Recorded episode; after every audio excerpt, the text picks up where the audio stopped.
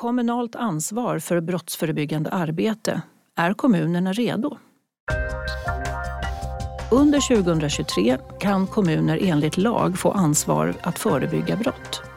Syftet är att ge förutsättningar för effektivt brottsförebyggande arbete genom att ställa krav på att detta ska ske på ett kunskapsbaserat sätt och i samverkan. Men vad innebär lagförslaget för kommuner och deras samverkansparter? Vad kan lokala brottsförebyggare göra för att möta lagkraven? Hur påverkas polisen och kommuner av föreslagen kommunlagstiftning? Det diskuterar vi i det här avsnittet av Snacka om brott special. Inspelad vid ett seminarium som Brå arrangerade under Almedalsveckan 2022. Medverkar gör Greta Berg, handläggare vid Sveriges kommuner och regioner. Charlotta Gustafsson, utredare på Brå. Malin Viktoräng, nationell samordnare för brottsförebyggande arbete vid Länsstyrelsen i Västerbotten samt Annika Odelind, polisinspektör vid Utvecklingscentrum Nord, nationella operativa avdelningen. Moderator är Karin Svanberg, enhetschef på Brå. Hej och välkomna tillbaka. Det här är det tredje seminariet vi har. Jag heter Karin Svanberg. Jag är chef på en del av Brå som jobbar med att ge stöd till brottsförebyggande arbete. Och det är det här med eh, stöd till det brottsförebyggande arbetet, framförallt det lokala, som det här seminariet kommer eh, cirkulera kring. Det är ju nämligen så att det är en lag på gång. En lagrådsremiss har lämnats till lagrådet eh, om kommunalt ansvar för brottsförebyggande arbete. Och lite grann frågan för dagen är, är nu kommunerna redo för detta? För förslaget är att den ska träda i kraft vid halvårsskiftet, eh, alltså om ett år. Och det här är faktiskt en del utav regeringens 34-punktsprogram mot gängkriminalitet. Så vi kommer fundera lite över om den här lagen kommer bidra i det arbetet mot eh, kriminalitet och gäng och kanske organiserad brottslighet också. Och på vilket sätt i så fall och vilken förberedelse behövs i kommunerna för att kunna bedriva ett aktivt brottsförebyggande arbete och vilka andra aktörer kan involveras? Och hur kan samverkan stärkas mellan olika aktörer? Ja, den här föreslagna lagstiftningen föder ju en förväntan på att kommunerna eh, ska göra någonting och vilken är denna förväntan? Hur vässas det brottsförebyggande arbetet och hur görs det mer effektivt? Och vilket stöd behöver kommunerna framförallt för att kunna göra det här? Och det här ska vi prata med den här intressanta panelen om. Eh, och då har vi först Charlotta Gustafsson, utredare och biträdande enhetschef på Brå. Vi har Malin Viktoräng, nationell samordnare för brottsförebyggande arbete på länsstyrelserna och Länsstyrelsen i Västerbotten. Och sen så har vi Greta Berg som är handläggare på Sveriges kommuner och regioner, SKR. Och Annika Odelind, polisinspektör på Utvecklingscentrum Nord, eller som man säger oftast eh, nationella operativa avdelningen. Eh, som ju är uppdelad på lite olika utvecklingscentrum. Ja. Ja. Och Utvecklingscentrum Nord har ansvar för eh, en del utav det brottsförebyggande arbetet. Ja. Ja. Och det intressanta i sammanhanget är att polisen ungefär parallellt med det här nu också har tagit fram en brottsförebyggande strategi. Så vi ska också prata lite grann om hur de här sakerna hänger ihop. Vi börjar med Lotta. Vad innebär självaste lagförslaget? Vad är det som ska hända? Vad ska kommunerna göra nu då enligt det här lagförslaget? Ja, det här är ju ett förslag som bygger på ett betänkande som togs fram under paraplyet 34 punkter mot gängkriminalitet. Eh, och syftet med den här lagen är att kommuner ska jobba mer riktat och effektivt för att förebygga brott. Ehm, och det man kan säga om lagen, det är inte att den, den beskriver inte så mycket vad en kommun ska göra för att rent åtgärdsmässigt, vad är det som är brottsförebyggande arbete? Utan lagen mer beskriver hur man vill att en kommun ska jobba med de här frågorna för att det ska vara effektivt och riktat. Eh, så vad lagen begär är att kommunerna ska ha väldigt god kunskap om hur det ser ut lokalt i det geografiska området när det gäller brottslighet. De ska alltså göra en kartläggning utifrån alla källor de har. Kommunen har ju otroligt mycket kontaktytor mot allmänheten och får in väldigt mycket kunskap. Och utifrån den här bilden av brottsligheten göra en analys kring vad kan vara orsaker till att det ser ut som det gör i våran kommun. Varför har vi den här typen av brott eller varför sker de på de här platserna? Och utifrån det ta fram förslag på hur vi ska jobba för att förebygga det här, minska det. Men är inte det här självklarheter? Görs inte det här redan idag? Ja, det görs helt på många håll där det finns ett uttalat problem så blir det ju här nästan av sig självt att kommunen gör det här för att det finns liksom som ett krav från medborgarna att vi måste ta tag i det. Men en, ganska många kommuner, jag säger i alla fall hälften, har vi kanske inte så tydligt att vi har stora problem vi måste engagera oss i utan de här brottslighet blir en fråga som kommer efter att man har tagit hand om sina kärnuppdrag och det man har lagstiftat att ta hand om. Ehm, så att när vi har tittat nu i den här rapporten som beskriver det brottsförebyggande arbetet och hur det ser ut just nu och vad det finns för utvecklingsbehov. Då kan ju vi se att ja, nästan hälften av Sveriges kommuner skulle kunna bli bättre på det här. Du vill redan in i diskussionen, ja, det är bra Greta. Ja, Men ta ja. en kort inpass för vi har en liten ordning här. Precis, jag ville bara säga att det är klar, självklart så att inte det här är självklart eftersom kommunerna idag inte har något brottsförebyggande uppdrag. Alltså kommunerna jobbar, arbetar brottsförebyggande av egen, egen drivkraft, egen vilja. Så att, att, att det här redan skulle vara på plats, det ser jag som helt uh, ot, omöjligt. Om man Orimligt, säger så. ja. Orimligt. Okej, så då ser du också ett behov av det här? Det, det håller jag inte med om. Men vi kanske kommer till det det. kanske kommer till det. Ja. Eh, Okej, om vi förflyttar oss till polisen då. Det blir, kommer ju vara och är ju redan idag eh, kommunernas främsta samverkanspart i det lokala brottsförebyggande arbetet.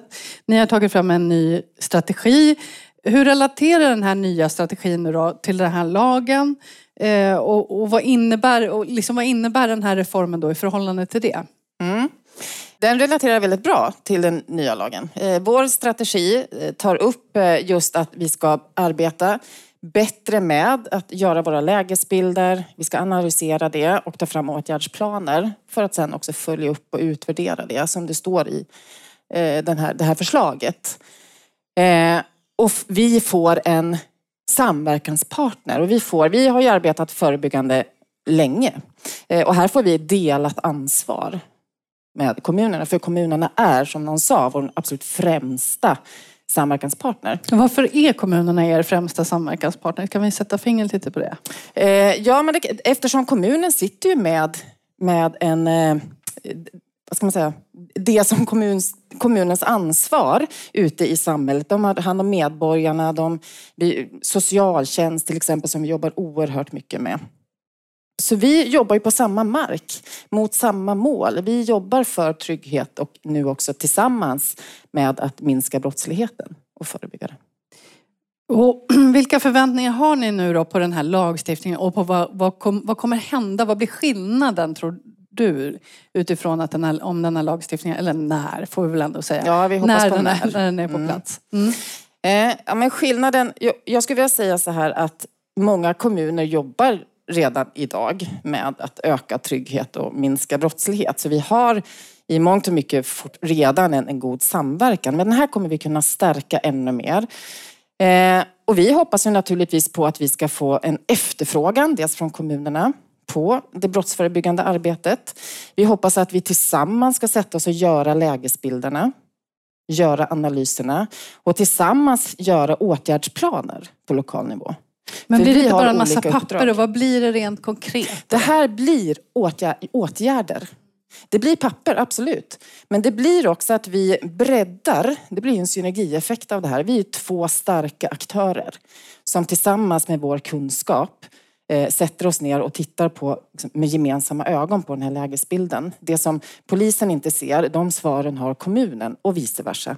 Och när vi gör det, då blir det här en väldigt bred och sanningsenlig lägesbild. När vi analyserar den här så, och hittar åtgärderna, då har polisen har sin roll, sin verksamhet. Det här ska vi göra. Kommunen med sina olika enheter och avdelningar och verksamheter har sin del. Och när vi gör det här tillsammans så blir vi en enormt stark kraft. Jag är, polisen är ju oerhört positivt inställd till det här. Jag, jag hör det. Ja. eh, Greta, kanske inte alltid jättelika mycket positiv då. Men, men varför är ni inte så jättepositiva till det här? Nej men eh, SKR har ju, är ju generellt sett inte så sugen på att staten ska reglera eh, verksamhet som inte idag är reglerad. Och när vi tittar på det brottsförebyggande området så kan vi se att kommunerna har ju successivt hela tiden ökat sitt engagemang i det brottsförebyggande arbetet. Nästan alla kommuner eh, har ett brottsförebyggande råd. Nästan alla kommuner jobbar, har en samverkansöverenskommelse med polisen hur man ska jobba brottsförebyggande. Och vi har ju under många, många års tid jobbat tillsammans, polisen, Brå och SKR jobbat tillsammans för att stärka kommunernas brottsförebyggande arbete. Och SKR är ju positiva att kommunerna jobbar brottsförebyggande, absolut. Det är ju en, en jätteviktig bit och framförallt när vi ser att samhällets, eh, att kriminaliteten på vissa håll ökar och så vidare så, så är det jättebra att kommunerna är med på banan och har en struktur för sitt arbete. Så att Absolut vill vi ha, det som egentligen lagen säger har ju vi försökt arbeta för att kommunerna ska göra, fast på frivillig basis. Eh, därför att vi tror att kommunerna bäst själva vet hur de ska lägga upp sitt arbete. Det vill säga vi är jättenöjda med det stödet som Brå till exempel har gett till kommunerna för att jobba strukturellt brottsförebyggande. Och alla de kommuner som har stora problem med kriminalitet, de har också en struktur och ett arbete som redan går framåt. Som kan ökas och bli bättre men kanske kan ökas med det stödet som vi redan får. Så vi tror inte att den här lagen kommer, vi tror att den här lagen kommer påverka de kommuner som är ganska små och som inte har så stora problem. De kommer behöva vässigt brottsförebyggande arbete och komma upp på banan. Men det kommer inte påverka de kommuner som, redan, som har stora problem. Så att det är så vi ser lite att det slår fel. Så vi tror att, att en lagstiftning Eh, snarare kanske i vissa fall skulle kunna skälpa det brottsförebyggande arbetet. Det vill säga att kommunerna ser att okej, okay, nu säger staten att nu är det den här nivån som gäller och vi ligger ju här uppe. Vi har jobbat på den här nivån. Vi behöver inte göra det längre. Eh, det, det är liksom en risk som vi ser. Men, men det är klart att eh, Lagstiftning innebär ju också pengar eh, och det är ju positivt tycker många. Ehm, så att det är klart att, att det brottsförebyggande arbetet kan stärkas och det är positivt. Men, men tror inte du att eh, liksom det går ju nu inte då att säga så här, nej men vi ska inte jobba brottsförebyggande för att det, det, vi är inte skyldiga att göra det. Att det ändå finns en kraft i det att liksom man ändå då prioriterar eller så man prioriterar i varje fall inte bort det med den, med den ursäkten. Absolut, men jag tror inte att kommuner i så hög grad har prioriterat bort det. Där det finns stora problem så har kommunerna verkligen sett, alltså kommunerna är lika måna som polisen om att vi ska ha ett tryggt samhälle. Medborgarna ska kunna röra sig fritt. Man ska, alltså så att i de, I de kommuner där man har problem, där har man också jobbat på det här sättet. Och kan jobba mer och stärka sin samverkan och stärka arbetet med polisen såklart och jobba bättre. Men det, de kommer inte påverkas av nya lagen. Lag, lagen är liksom för lågt satt för att de ska påverkas. Okay. Jag tänker på i den här årsrapporten, vad ser vi där när det gäller vilka kommuner som kanske behöver vässa sitt arbete? Ja, där börjar vi, vi kan inte säga att det är katastrofläge, men vi ser ju att de mellanstora kommunerna börjar, tenderar att prioritera ner det brottsförebyggande arbetet. Eh, vi står ju inför ekonomiska utmaningar och då måste man ju prioritera ner någonting och det som inte är lagstadgat är ju sånt som man prioriterar ner. Och eh, jag skulle också vilja säga att nästan hälften av, eller i alla fall en tredjedel av Sveriges kommuner gör inte en riktig kartläggning så att de har en riktig bild av problemen. Och då kan det bli så att om man inte har den här bilden av problemet då kommer man inte heller att sätta resurser för att jobba med det. Utan det blir liksom som en, ett moment 22. Det blir inte resurser avsatta och därför tycker vi inte att vi har ett problem och då finns det inget skäl till varför vi ska sätta dit. Och jag tror också att många kommuner, vad vi har hört i samverkan med polisen, liksom gärna skjuter över att men det här är polisens problem, inte vårat att ta, ta hand om. Och, så därför kan vi känna att ja, det, det, kan stämma delvis som du beskriver det men samtidigt finns det andra kommuner där det här verkligen kommer att ge arbetet ett swoosh. Vad säger du Malin? Instämmer du i det här som du hör? Du har ju tentakler via en massa länsstyrelsesamordnare som i sin tur har tentakler ut i alla kommuner. Vad hör du? Det, finns det de som, som har problem? För Greta säger ju att de inte har problem de som, som det här kommer träffa. Stämmer det med din bild? Nej, men jag skulle väl säga så här att eh, dels så har vi inte fått indikationer på att kommuner som redan jobbar väldigt offensivt med brottsförebyggande arbete, att de faktiskt skulle dra ner på takten. Eh, utan snarare att de, de kommer att jobba på. Det vi hör från de kommuner som kanske inte har jobbat så mycket med de brottsförebyggande frågorna eh, handlar om ganska positiva besked utifrån att de ser det här som en möjlighet att kunna jobba brottsförebyggande, att få mandat i den egna kommunen, att få kommunledning och politik med sig i de här frågorna.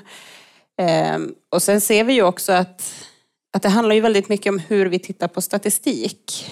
Ehm, det är lätt att tänka att kanske mindre kommuner inte har lika stor anledning att förebygga brott som större kommuner. Men vi, vi ser också att eh, när vi slår ut det per 100 000 så kan en del mindre kommuner ha eh, fler utsatta procentuellt än större kommuner.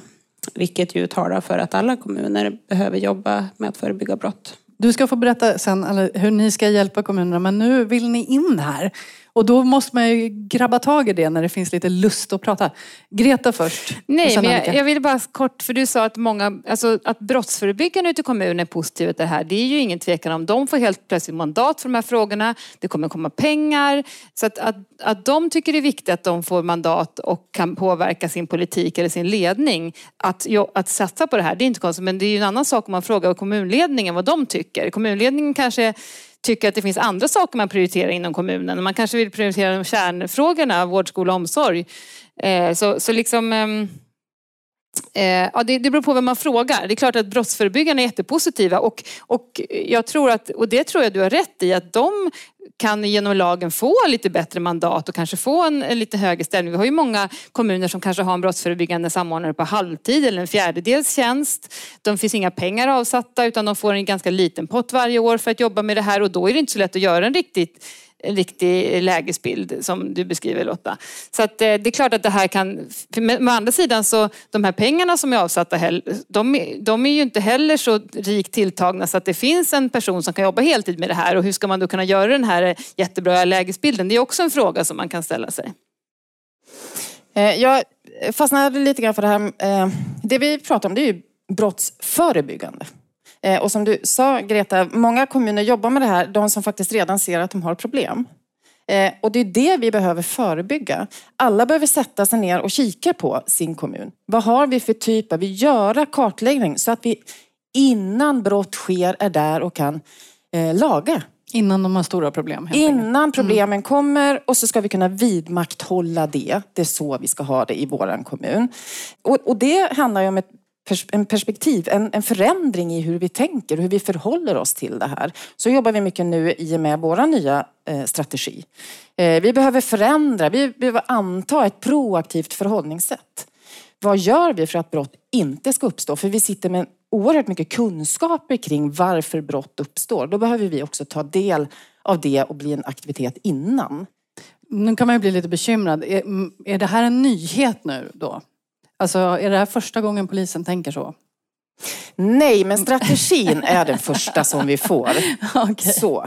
Och vi märker att det är en förändring nu. Jag har jobbat med brottsförebyggande verksamhet inom polisen under många, många, många år. Men det är faktiskt först nu vi får en strategi och vi, man sätter ner foten på ett helt annat sätt idag med att Polismyndigheten ska arbeta med brottsförebyggande verksamhet. Men tror du att polisen kommer få bättre man... Alltså för ni har ju också problem med att, att det händer massa grejer som inte... Som man prioriterar bort den brottsförebyggande frågan inom polisen. Tror ni att den här strategin kommer ge att ni prioritera de här frågorna bättre? Ja, eftersom eh, vi kommer ju påbörja ett gediget implementeringsarbete med den här strategin nu och den börjar till hösten. Och här identifierar ju vi olika beteenden som vi behöver ha i vår myndighet för att vi ska kunna sätta strategin att det ska bli verkstad. Och ett beteende är efterfrågan på förebyggande arbete. Och det här vill vi också att vi faktiskt ska få läsa ett regleringsbrev. Vi vill ha en bättre efterfrågan på myndighetens brottsförebyggande arbete. Och får vi till det och att chefer också förstår hur, hur följer vi upp och hur efterfrågar vi så kommer det bli skillnad. Jag tänker vi ska hoppa tillbaka lite till kommunerna ändå. Eh, och vad de kan tänkas behöva för stöd nu då när det här ska genomföras. Ska vi börja hos Brå? Hos oss själva liksom. Hos oss själva, ja. Det är ändå vårt seminarium. Ja, men, jag, men jag tänkte att jag hakar på dig lite Annika. Att det handlar ju om att skapa en efterfrågan. För att bara för att det finns en lag så kommer ju inte det här på automatik att vara någonting man vill göra. Och med den här lagen, det finns ju inga sanktioner att om en kommun inte gör den här inventeringen eller försöker kartlägga och förstå varför brotten eller hur det ser ut, mönstren ser ut. Liksom, det finns ingen straff på det utan vad vårt stöd måste handla om är ju verkligen att skapa en förståelse för vad finns det för vinster för oss att göra det här? Om vi lägger så här mycket resurser, vad får vi tillbaka då? Eh, och att, eh, så det är dels det att vi får en förståelse för varför ska vi ens göra de här bitarna? Och sen känner vi också att vi behöver utveckla kompetensen. För att mycket handlar de här resurserna om att det känns oöverstigligt för man vet nästan inte riktigt var man ska börja. Det är ju så här, gå ut och kartlägg din kommun. Se, berätta hur brottsligheten ser ut. Det är ju ett mastodontuppdrag. Var ska man börja? Hur ska man avgränsa? Var ligger liksom lägsta nivån när vi vet det här dög från först, för våran, våran lägesbild nu och sen kan vi bygga på den med åren. Så det känner vi att det är där vi kommer att ligga nu. Både att motivera, informera om lagen, få med politiken, förstå att de ser sina vinster med besluten, men också en utbildningssatsning för att öka kompetens. Att man ska känna sig säker när man ska göra de här grejerna. Du säger att det inte finns några sanktioner om man inte gör det, men kommer det inte följas upp på något sätt? Jo, vi. För enligt förslaget så är det så att Brå ska följa upp att kommunerna gör det här, är det så? Ja, mm. och vi har, vi funderar, vi har ju redan nu då som ett underlag till den här rapporten gör ju vi enkäter som vi skickar ut både till kommuner och lokalpolisområden och även till länsstyrelser och polisregioner. Och där känner vi att vi har en början på en uppföljningsinstrument som vi kommer att komplettera med mer kvalitativa studier också. För att verkligen fånga upp, inte bara hur många finns det, hur, hur ofta gör ni, utan verkligen försöka luska hur går det med kvaliteten. Och då kanske vi kommer ta hjälp av länsstyrelserna. Vad kan länsstyrelserna göra mer eh, för att stödja kommunerna? Ja, det vi ser framför oss när vi funderar nu över hur vi ska kunna stötta kommunerna så handlar det ju väldigt mycket om ett mer operativt stöd, ett mer verksamhetsnära stöd. Det är också någonting som Brå har skrivit om i i årsrapporter. Det är någonting som är föreslaget att vi ska få medel för också utifrån den nya kommunlagstiftningen. Eh, och vi ser väl framför oss att, att det är det som väntar, att verkligen vara en del i processen i kommunerna. Inte bara kunskapsstärka utan vara med hela vägen. Nu sa vi ju inledningsvis att det här är en del av 34-punktsprogrammet eh, mot gängkriminalitet Eh, och vi har ju en del utmaningar som väl inte har undgått någon i Sverige när det gäller kriminalitet. Kommer den här lagen att göra skillnad? Alltså, och vilka liksom, eh, styrkor ser vi med det här i förhållande till den problematiken? Och ser vi, finns det några farhågor? Om vi börjar längst bort. Mm. Eh, på första frågan så säger jag ja, det hoppas jag verkligen att vi kommer se skillnad på, på, på den här lagen. Och vi pratar ju långsiktigt arbete nu. Eh, det här vi, det är ett proaktivt liksom, sätt att arbeta.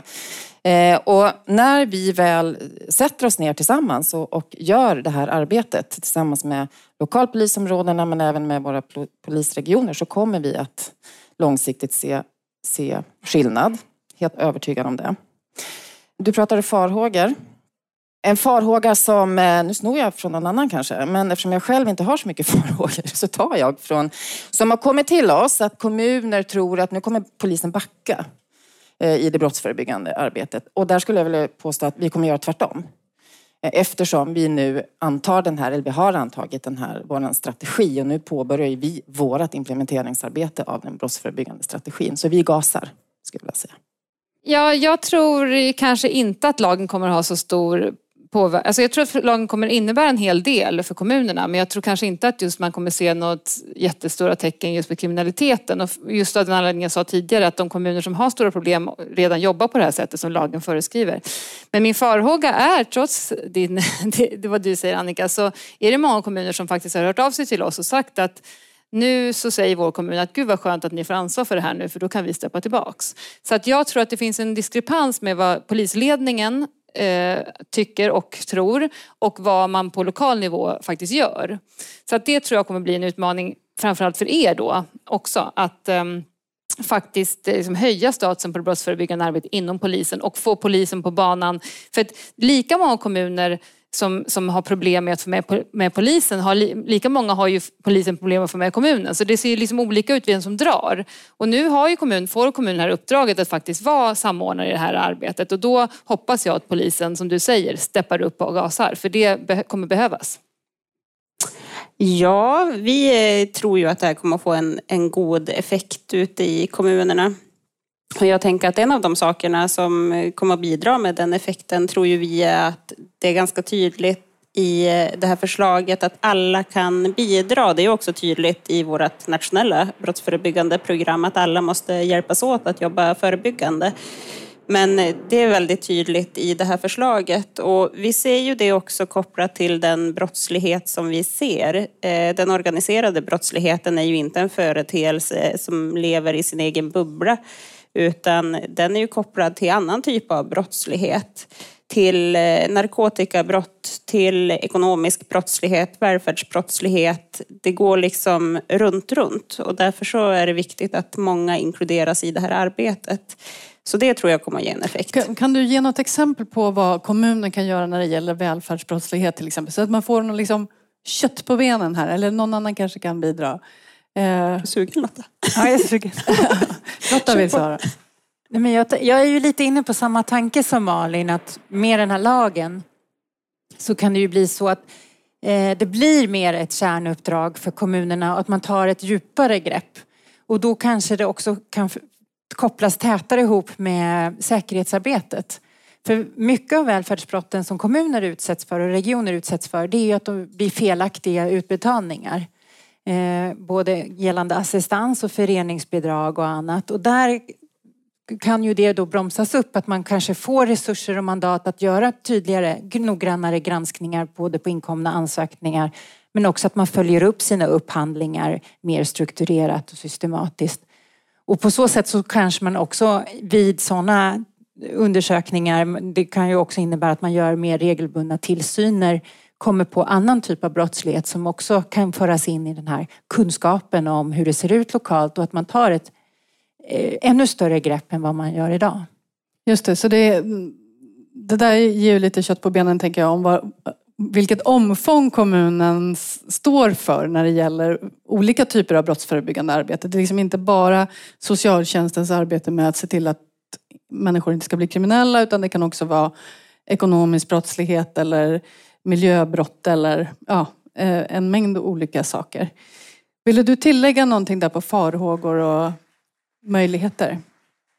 En farhåga är väl kanske att kommer kommunerna verkligen att mäkta att ta ett sånt här helhetsgrepp och verkligen vända på alla stenar för att hitta och se hur det här är, förhåller sig till varandra och kommer det att krocka med andra uppdrag som en kommun har? Eh, det ska ju också finnas näringslivsverksamhet och det ska liksom vara en... Det ska blomstra. Och det, det ska... Precis. Mm. Okej, då har vi fått lite bakgrund och lite farhågor och lite eh, positivt och lite negativt.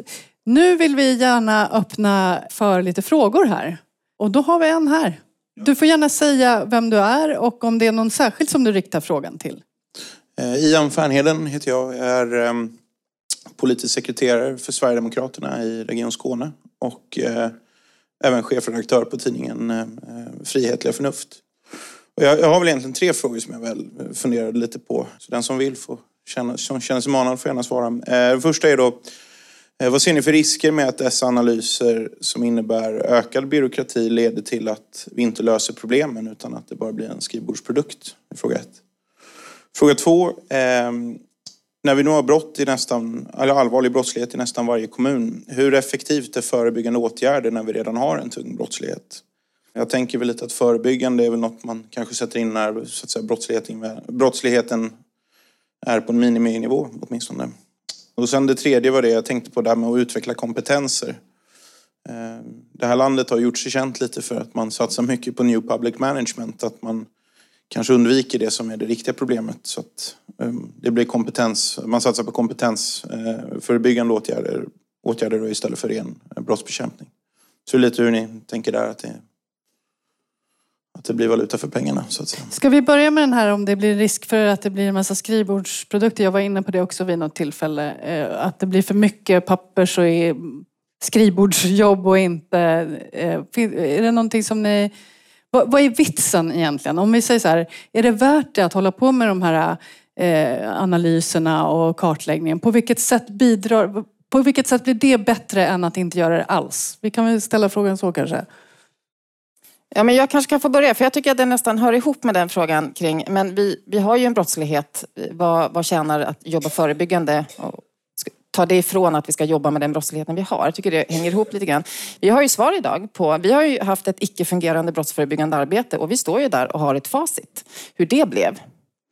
Eh, så Kartläggningen och analyserna är oerhört viktiga för analysen har ju vi hoppat över. Vi är jätteduktiga på att kartlägga och vi är jätteduktiga på att hitta åtgärder och vi gör saker.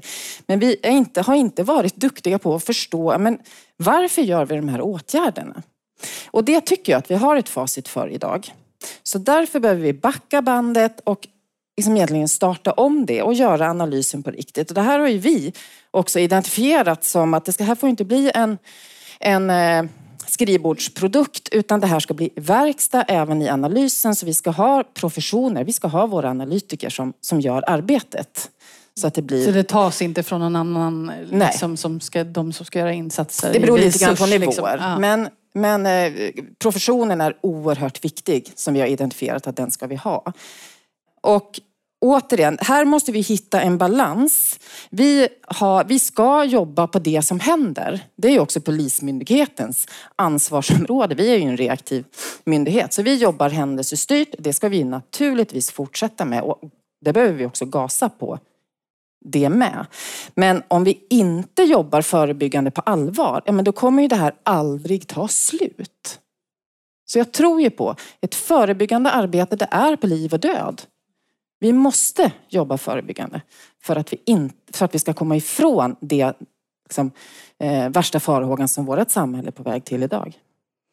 Är det någon mer som vill? Mm. Ja, berätta. Nej, men jag, jag, jag håller helt med dig. Jag tycker förebyggande arbete är helt eh, avgörande och framförallt är det ju det enda som kommunen kan hålla på med eftersom inte vi är operativa på samma sätt som er och händelsestyrda. Så att, liksom, eh, det är ju en jätteviktig bit. Men, men däremot tror jag att den här farhågan kring pappersarbetet eh, det är någonting som vi, vi måste liksom hjälpa kommunerna för det är, det är det som på något sätt blir problemet att man är Även fast man blir jätteduktig på att göra sin kartläggning, man blir jätteduktig på att göra sin analys, så ska ju det här arbetet leda till att man faktiskt gör rätt åtgärder riktade mot rätt typer av problem. Och det är ju dit man måste komma. Och, och det här är ju ett, ett arbete som måste hålla på, alltså det är ju inte, inget quick fix, utan det här kommer liksom behöva hjälp, vi behöver kommer stötta kommunerna i det här, hjälpa till så man verkligen kommer till de rätta åtgärderna. För det är inte förrän när man gör de där rätta åtgärderna, det är då man kan se en förändring. Kartläggningen förändrar ingenting, analysen förändrar ingenting i sig, utan det är åtgärden som förändrar och det är dit vi måste komma. Mm.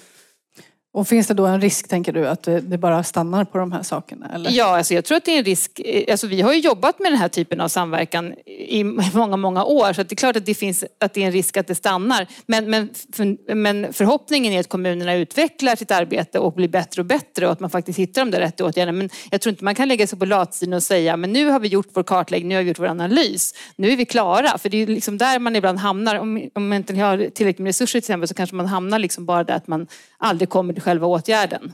Vad- vad- vad- Länsstyrelsen, vad- jag tänker på, vad, vad tänker du om vad uppföljningen spelar för roll i förhållande till den frågan? Alltså, eh, för jag tänker att ni kommer antagligen bli involverade i uppföljningen. Och, Ja, nej, men jag tänker att, att det är ju en viktig del just för att det inte ska bli en pappersprodukt. Eh, dels så tänker jag att den här lagen baserar sig ju till ganska stor del på handboken om samverkan i brottsförebyggande arbete. Det är en ganska praktisk och konkret skrift eh, där man påtalar vikten av att inte stanna vid en pappersprodukt.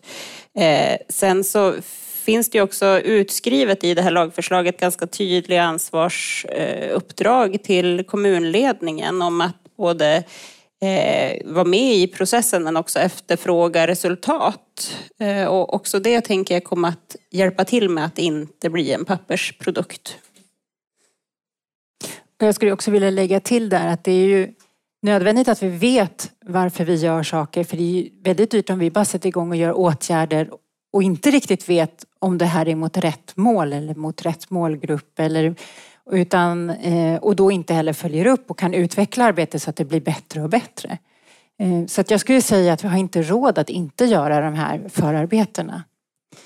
Men angående det här med, med uppföljning, det är klart att det är jätteviktigt att vi följer upp att det arbetet vi gör ger effekt, den effekten vi liksom vill ha genom att se att de här typen av brott går ner eller otryggheten ökar eh, eller otryggheten minskar och så vidare. Men men man kan ju inte förutsätta att kommunerna inte vill göra rätt. Alltså kommunerna jobbar med det här och jobbat i flera, många, många år med brottsförebyggande arbete. De vill ju jobba för en ökad trygghet för medborgarna. Så det är inte så att man ska tro att kommunerna vill smita från det här eller liksom att de ska kontrolleras på något sätt. För så är det inte. Utan kommunerna har väldigt starkt driv att faktiskt jobba med frågan och göra på ett rätt sätt. Och som du säger, samverkansboken har ju varit en, en bas i arbetet och det är det lagen bygger på den här boken. Så att jag, jag, tror vi måste fortsätta på samma sätt men vässa vårt arbete och det finns vissa detaljer i lagen som, som också kan liksom bidra till det. Ja, det fanns lite positiva tongångar ja, där i alla fall, även från SKR. ja, det är bra. Finns det någon mer fråga i, här i... Där nere har vi något. Jag heter Per Junesjö. Jag har egentligen bara en fråga runt själva lagstiftningen. Vi pratar om kommuner. Vilka kommuner menar vi? Menar vi kommuner, kommuner, alltså primärkommuner eller också regioner? Nej, det... Och i så fall, om man inte har inkluderat regionerna, varför har man inte gjort det? Ja, men mitt svar är att jag inte vet varför regionerna inte är med. Eh, men det är riktat till kommuner. Primärkommuner.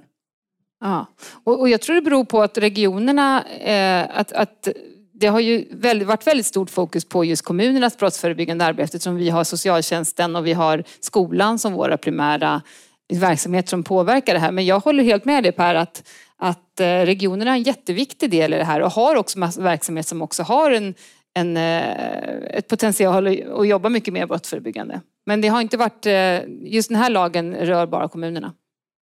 Men de tänker jag kommer med när vi i, i samverkan, när vi har gjort de här lägesbilderna och ser vilka och analysen, vilka behöver göra vad. Där tänker jag att regionerna blir väldigt viktiga. Absolut, mm. absolut. Men där kan man väl lägga till att eh, i lagen så står det ju att kommunen ska skriva samverkansöverenskommelser med berörda parter. Och då skulle ju regionen kunna vara en sån om man upptäcker till exempel stora välfärdsbrott. Eller inom psykiatrin. Ja, eller vad som kan vara. Mm. Ja, där har vi en fråga. Susanne Grabe heter jag, jobbar i kommun. Eh, jag tänker polisen, du är jättepositiv till det här och då undrar jag lite eh, det nya liksom, för jag vet ju också som du säger Greta att vi jobbar ju mycket brottsförebyggande och väldigt mycket ihop med polisen. Eh, men vad är det nya liksom, brottsförebyggande arbetet som du tänker ska bli verklighet med, det här nya, med, med den nya lagstiftningen då? Och vad förväntar du dig av kommunerna i det? Eh, jag tänker när man läser lagförslaget så eh, dels så, så ska vi, ska vi arbeta på samma sätt. Vi ska kartlägga, analysera och hitta åtgärder och så. Och det är ju exakt så som vi också arbetar. Där tänker jag att vi, vi kommer hitta varandra på ett bättre sätt än vad vi gör idag och stärka det arbetet ännu mer. Här ser vi också att eh, politiken måste in och ta ett större ansvar. Och där eh, ser vi att, där, att ha en, en dialog på ledning och på eh, KS-nivå för det brottsförebyggande arbetet i kommunen. Där ser jag en otroligt stor vinst med det här lagförslaget. Får jag fylla på lite? För att eh, under förmiddagen här hade vi, har vi haft två seminarier. Det första handlade om gängkriminalitet och samverkan runt det. Och det andra handlade om sexköpslagen. Och vi hamnade ganska, i båda de seminarierna runt samverkan mellan kommun och polis. Och när det gällde till exempel sexköpslagen så sa man inom polisen att det var eh, nerprioriterat på vissa ställen. Alltså ren, eh, vad ska man säga, man ville inte jobba med den frågan helt enkelt. Eh, så det är en fråga jag ställer till er nu och här. Att kommunen i högre utsträckning kanske kan, eh, den dialogen som du pratar om där kanske kan påverka kommun, eller polisen att eh, prioritera upp vissa frågor. Alltså att, man kan, att, man, att det är ett, ömsesidigt, liksom ett tydligare ömsesidigt utbyte av prioriteringar. Vi vill ha det här prioriterat, de vill ha det här prioriterat. Eh, eh, stämmer det med Ja, men jag tror också så att delar vi våra lägesbilder, om polisen också faktiskt berättar, det här ser vi som eh, vi måste jobba tillsammans med. Eh, jag kommer från Sundsvalls kommun eh, och har arbetat där på, i lokalpolisområdet tidigare. Där gjorde vi det. Vi delar med oss. Vi har eh, grovt organiserad brottslighet här. Och kommunen faktiskt kliver på, politiken blev intresserad och kommer på fötter. Och där måste vi vara. Det är så praktiskt, operativt, lokalt arbete. Vi måste börja prata med varandra. Men vad tror du lagen kommer göra där då? då? Alltså i Sundsvall när ni redan har haft det där samarbetet. Vad kommer bli skillnaden där? Jag tror och jag hoppas att med en samordnare, då är det redan utpekat att den här lägesbilden, vi ska inte, den ska faktiskt kommunen också göra själv. Eller att man efterfrågar lägesbilder, att man är med, med eh, om man säger så. Men, men det är lite orättvist mot de kommunerna, det kanske sitter många här. Ja, men vi jobbar redan aktivt idag. Men då ska vi stärka det ännu, ännu mer. Ja, jag tänkte, det var ju ett av skälen till varför Brå har efterfrågat en sån här lag. Det är ju att vi ser att ska vi få prioritet för frågorna lokalt, alltså i kommunerna, så behövs det nästan att det får en lag eller får ett kraftigare stöd. Liksom, att det blir en del av kärnuppdraget därför att det tenderar att prioriteras ner.